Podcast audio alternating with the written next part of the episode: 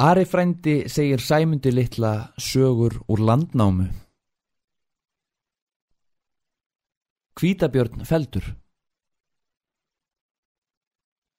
Ari frændi fekk sér stóran sopa. En nú verði ég að bregða mér sem snöggvast með þér norður á melrakkasléttu, sæmundur minn. Þar byrtist okkur örlítil svipmynd af erfiðu mannlífi. Melrakkaslétta er kölluð slétta í landnámu. Sá sem þar namn land hétt Arngeir.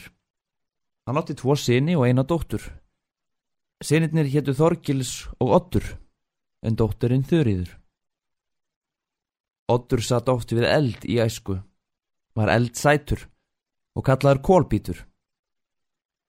Það er víða talað um kólbíta í fornum sögum.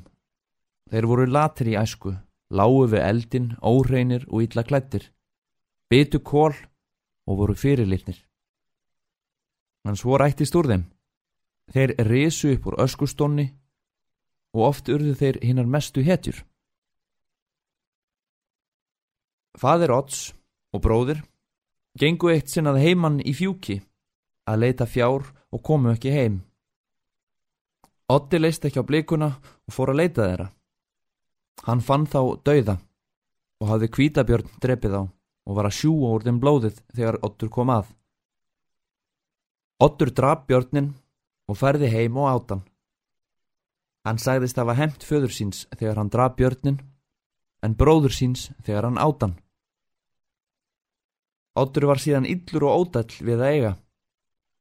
Kanski að það hefði verið egna þess að hann átt björnin. Hann hefur þá fengið eitthvað af eðli bjarnarins.